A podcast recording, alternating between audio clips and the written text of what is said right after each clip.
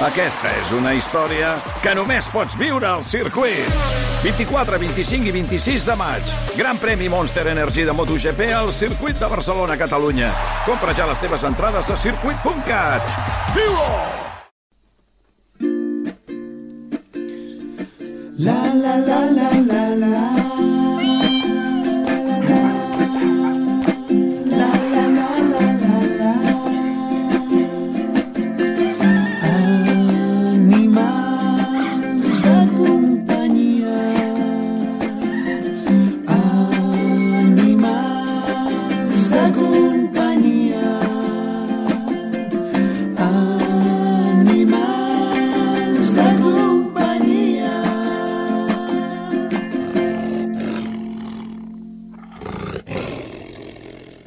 Sabies que més de 220 estilistes de tot el món han participat en la dotzena edició dels Premis Òscar de la perruqueria canina? El concurs es va fer a Vilassar de Dalt al Maresme i premia el talent i la creativitat del perruquer. L'objectiu d'aquesta competició internacional organitzada per l'empresa Artero és de dotar la professió de perruquer caní del reconeixement que li pertoca. Un jurat format per nou experts internacionals va otorgar el premi a un canitxe. El seu responsable, Carmine Tadeo, un perruquer italià, li va fer un tall de pèl que destacava per la tècnica i les habilitats de tall. L'any passat la competició es va haver de fer en línia per la pandèmia. Amb aquesta notícia imprescindible per als que us agraden els animals, comencem el podcast d'avui dedicat a les salamandres i les granotes. RAC més i Gosby us ofereixen Animals de companyia amb Bàrbara Julve, un podcast per una relació saludable amb els vostres animals. Les granotes i salamandres estan afectades per un fong assassí. Es tracta d'una malaltia emergent que perjudica els ecosistemes. El CRARC, el Centre de Recuperació d'Amfibis de Catalunya, ha iniciat un estudi per saber com és aquest fong que salta de les col·leccions privades de granotes i salamandres que la gent té a casa a la natura. En parlem amb Albert Martínez Silvestre, veterinari i director científic del CRAC. Albert, benvingut. Hola, gràcies. Sí, Albert, la gent té granotes i salamandres com a animal de companyia? Eh, això d'entrada sorprèn.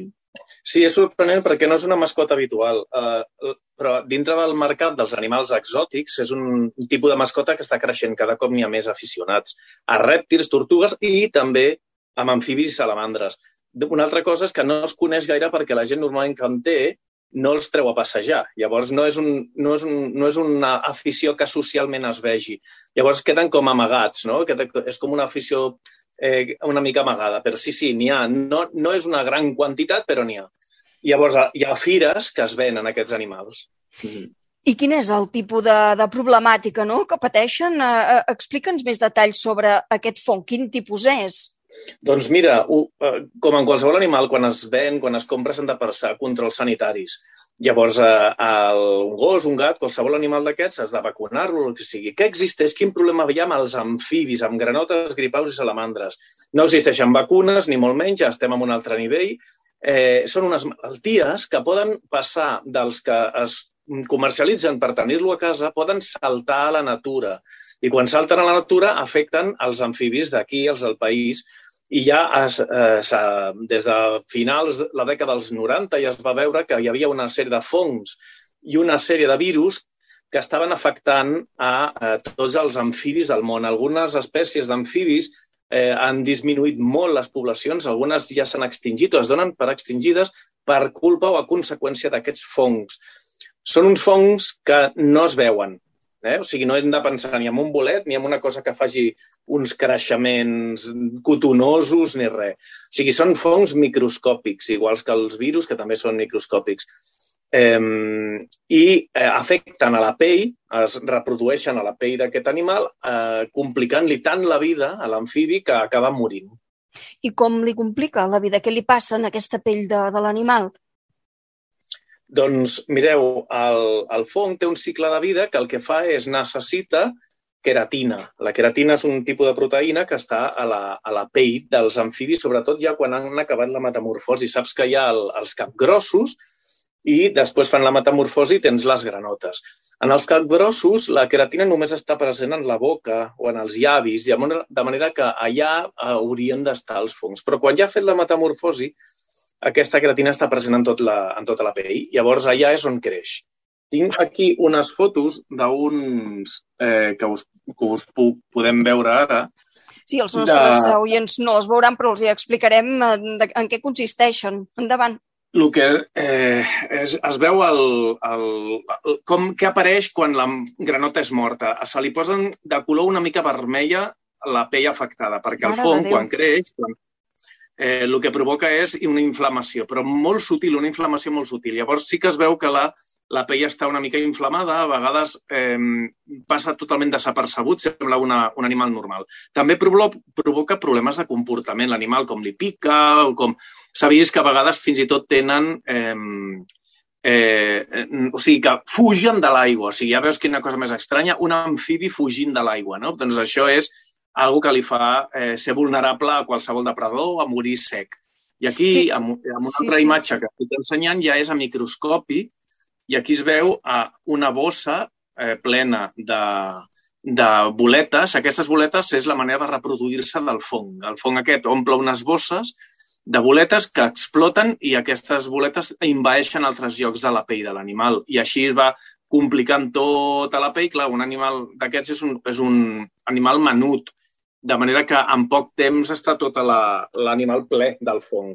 En aquestes... I és això que provoca la mortalitat de l'animal per malfunció de la pell, que la pell la necessiten fins i tot per respirar i, i perquè arriba un moment que l'animal té com un xoc i es mora.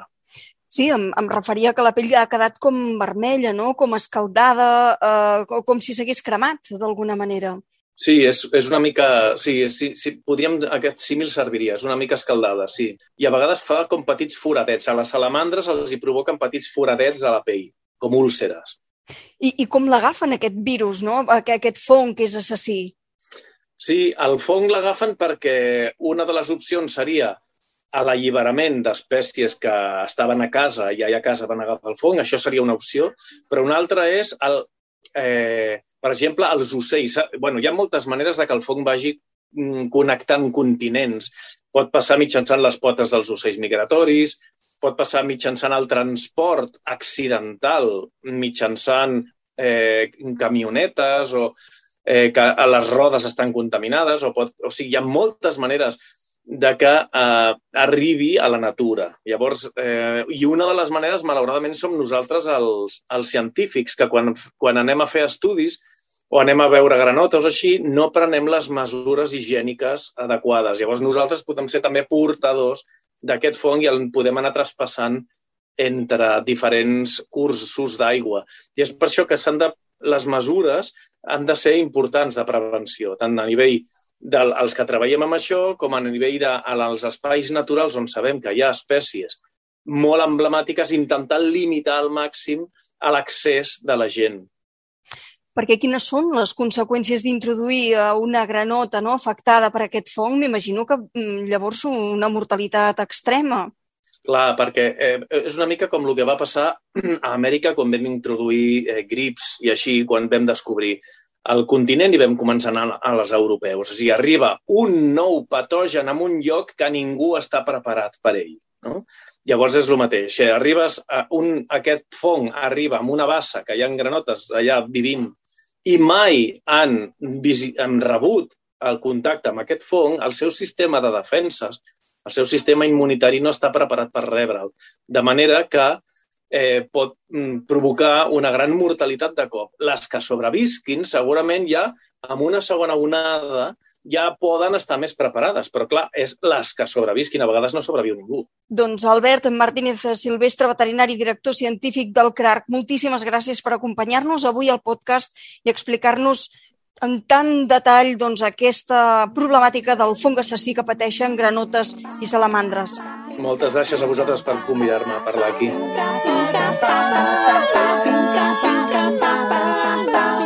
Sempre ha estat una enamorada dels gossos. Primer va arribar Nala i després Zuri. Amb Nala, precisament, va recórrer el 2016 el camí de Santiago, una experiència que la nostra protagonista d'avui ha plasmat en el llibre El Canino de Santiago, que acaba de sortir. Malauradament, la Nala, però, va volar, com diu ella, el, di, el 13, volem dir, d'agost del 2020. Li queda tot allò viscut, que va ser molt intens, i un dia a dia ple d'emoció per compartir amb Zuri.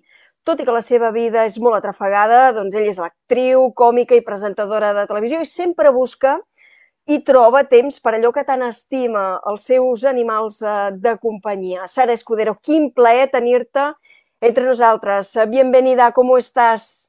Bien, bien hallada, que decimos en Ávila. Estamos encantadas Encantada. de tenerte en nuestro podcast y de transmitirnos ah, con tu testimonio y con este fantástico libro que acaba de salir en el mercado sobre el amor ¿no? que sientes por los animales. Lo que te dan es que ah, las fotos, las vivencias que cuentas en el libro, todo esto lo transmite. Es que es un libro que, va a corazón abierto, Bárbara, y, realmente, o sea, que nadie piense que por ser el canino de Santiago es una guía del camino o es un manual. No, no, no, es una doble historia de, de vida. Aquel primer camino que nos hicimos Narita y yo y que nos, a mí me marcó para, para muchas cosas y que además era un sueño, o sea, quería, quería poderlo hacer desde que Nala tenía dos, tres añitos, pero, jova, cuando antes de empezar en la tele solo vivía de actuar en bares y en locales, te doy mi palabra que cada vez que decía, venga, estas dos semanas nos vamos, Nalita, una llamada, oye, ¿te vienes a actuar a mi bar? Y yo solo vivía de eso, no podía decir que no, ¿no? Entonces, Murphy estaba ahí al acecho, luego empecé en la tele, se complicó la agenda y hasta sus nueve años, pero que estaba hecha una cachorra. De hecho, palabras eh, textuales de la veterinaria, tiene un corazón de cachorra, pues nos lo hicimos. Entonces, es verdad que, que, mm, es un libro que va a corazón abierto porque en la parte que cuenta Nala, que cuenta ese camino, esas etapas, yo cuento las etapas paralelas. Yo hago un paralelismo entre el camino de Santiago y el camino de nuestra vida juntas. Porque al final el camino de Santiago es una metáfora de la vida, pues el, el camino que hicimos juntas es una metáfora también de, la nuestra juntas. Por eso la parte que cuenta Nala va con ilustraciones de un amigo que se llama Pedro Fernández, que, es un ilustrador maravilloso y que ha sacado la esencia de Nala perfectamente bien. Y mi parte, las, las partes que yo cuento van con fotos, porque, porque es nuestra historia y lo único que pretendo es que quien haya vivido con un animal o viva ahora mismo con un animal, se siente identificado, se sienta liberado, eh, ría y llora y llore a la vez. em, eh, otros que ponen una barrera, que se den cuenta cómo me está pasando. He recibido ya más de 40 mails desde que ha salido el libro de gente que me dice, Jova, al leer tu libro me he dado cuenta de que la que ponía el freno y la imposibilidad de hacer una vida más allá de lo que supuestamente te cuentan de el perro en la estufa, no sé qué, sé cuánto, sácale cinco minutos, pi, pi, pi, soy yo. O sea, soy, es el humano, digo, es que, es que es el humano el que, el que tiene que cambiar el chip para con ellos, porque ellos viven contigo cada día como si no hubiera otro, ellos no piensan en el futuro. Por eso, se, haya, hayan pasado cinco minutos o cinco horas o cinco días, te van a recibir con el mismo amor y deberíamos aprender de ellos tanto. Si gobernasen el mundo, el planeta sería otra historia. Sería muy distinto. ¿Tú siempre, Sara, has tenido hembras y golden retriever?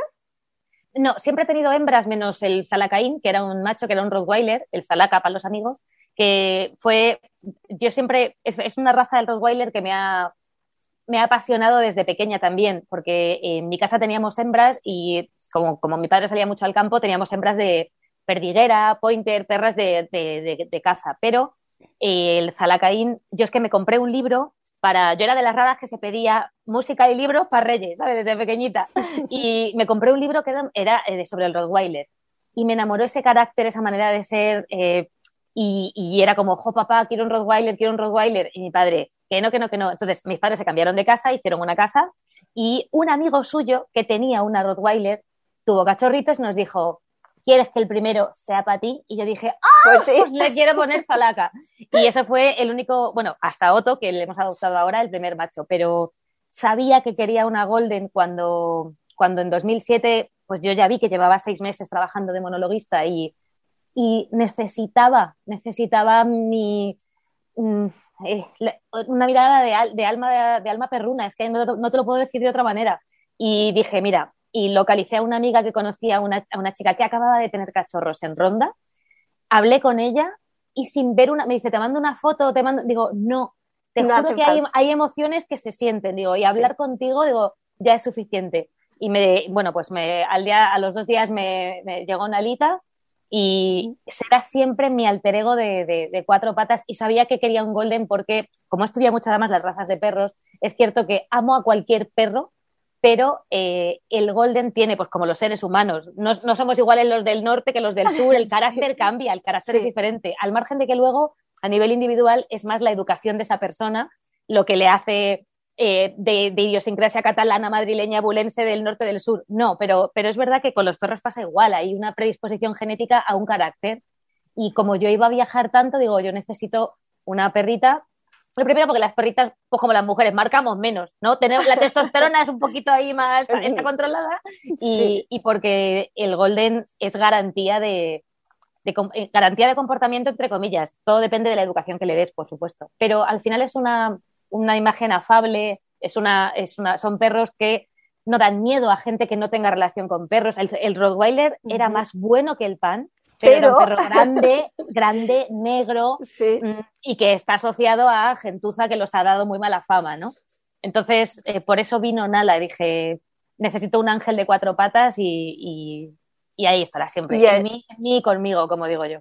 Y estará siempre, ¿no? Porque uh, los perros, uh, Sara, tienen muchísima facilidad por, por, sacarnos de las tristezas, no están tanto, pero a veces, pues inevitablemente, ¿no? Cuando se van nos dejan ese gran vacío, en tu caso, ¿no?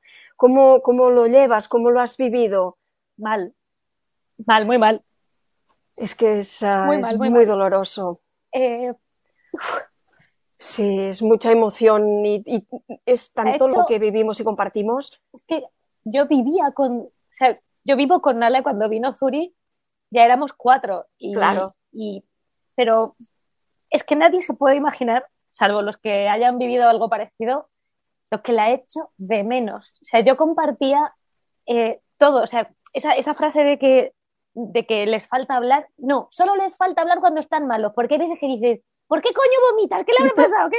Vale, eso, ahí, ahí sí que le pediría yo una palabra pero no hace falta, o sea, es que por eso yo insisto mucho en el verbo eh, o la expresión, no, no tienes animales, vives con los animales, porque si tú vives con tu, ni con tu hijo, con tu padre, con tu madre, le observas, le conoces, pues exactamente igual. Solo que ellos tienen otro lenguaje, otra manera de comunicarse y, y no hay más que abrir los ojos y el corazón para entenderlo. Y, y, ellos te entienden a ti y entienden el de verbo y el de no verbo. O sea, Todo. Y, y, encima entienden el olor que desprendes y entre, entienden otras cosas que van por encima de nuestras capacidades como animales, nosotros, ¿no? Entonces, no, no, no todo el mundo lo entiende y para que veas que, y, y, yo sé que mucha gente lo dice, o sea, la inmensa mayoría utiliza la palabra mascota con cariño, pero a mí me es imposible. Mascota me suena a cosa, me suena a un tamagotchi, ¿sabes? Me suena a algo que, tienes, a algo que le, falta le falta alma. Entonces, no, no uso la palabra mascota porque para mí es que es Nala era mi hija, era una, una, relación de amiga, de hija, de hermana, de madre a la vez, era, es, es, es, diferente y además insisto en que no hay que comparar la gente que dice, ay, ¿cómo vas a comparar amar a un niño con amar a un perro? Digo, perdóname, pero el amor no tiene etiquetas, el amor es universal y a mi perra la amo y si algún día tuviera una hija, la amaría, pero son dos entes diferentes, con dos relaciones conmigo diferentes. No, no excluye la una a la otra no porque ame a los perros no soy capaz de amar a un niño. Sí, yo no tengo yo en concreto, pero tengo muchos sobrinos postizos. Y de verdad que, que, yo lo estoy pasando todavía fatal. No hay día que no me derrumbe y el libro está suponiendo una mezcla de emociones brutal porque no remueve nada porque está todo removido. Quiero decir, no, no es que me esté sacando a la luz capítulos olvidados, al contrario, si cada cosa que hago, ahora hablando contigo, porque encima hablamos del libro y del tema, pero sí cada cosa que hago en mi cabeza está Nala y yo la siento aquí a mi lado. Por eso siempre digo que estará en mí y conmigo, porque no es lo mismo. Y parte de las, una de las claves que, que, dejo claro, que intento dejar claro en el, libro, en el cuento, es el verbo estar. Estar con alguien, con, esas almas, con, esos animales. Hay que estar, no hay que tenerlos, hay que estar con ellos. Pues Sara, muchísimas gracias uh, por compartir estas, esas vivencias uh, con nosotros. Estamos muy agradecidos de tenerte hoy en el podcast. Qué vivencias, uh, por Dios, tan intensas gracias por compartirlas con nosotros. Um... No, la, la, la, agradecida soy yo porque haya espacios como este tuyo, que este vuestro, que, que ponen valor lo importante y que nos recuerde que el ser humano no es el dueño de la tierra, que somos parte de ella y, y, que hay que vivirla de otra, de otra manera, con otra perspectiva. Claro que sí, porque estos animales de compañía, estos seres uh, que nos acompañan en todo momento, siempre, siempre, siempre, a pesar de que no estén físicamente, siempre estarán dentro de nuestro corazón, de nuestra alma. Muchísimas gracias. Gracias. Sara, recomendamos desde aquí el libro El Canino de Santiago de Sara Escudero, ilustrado por Pedro Fernández y con el fantástico prólogo de Roberto Leal. Muchísimas gracias. Gracias. Gracias.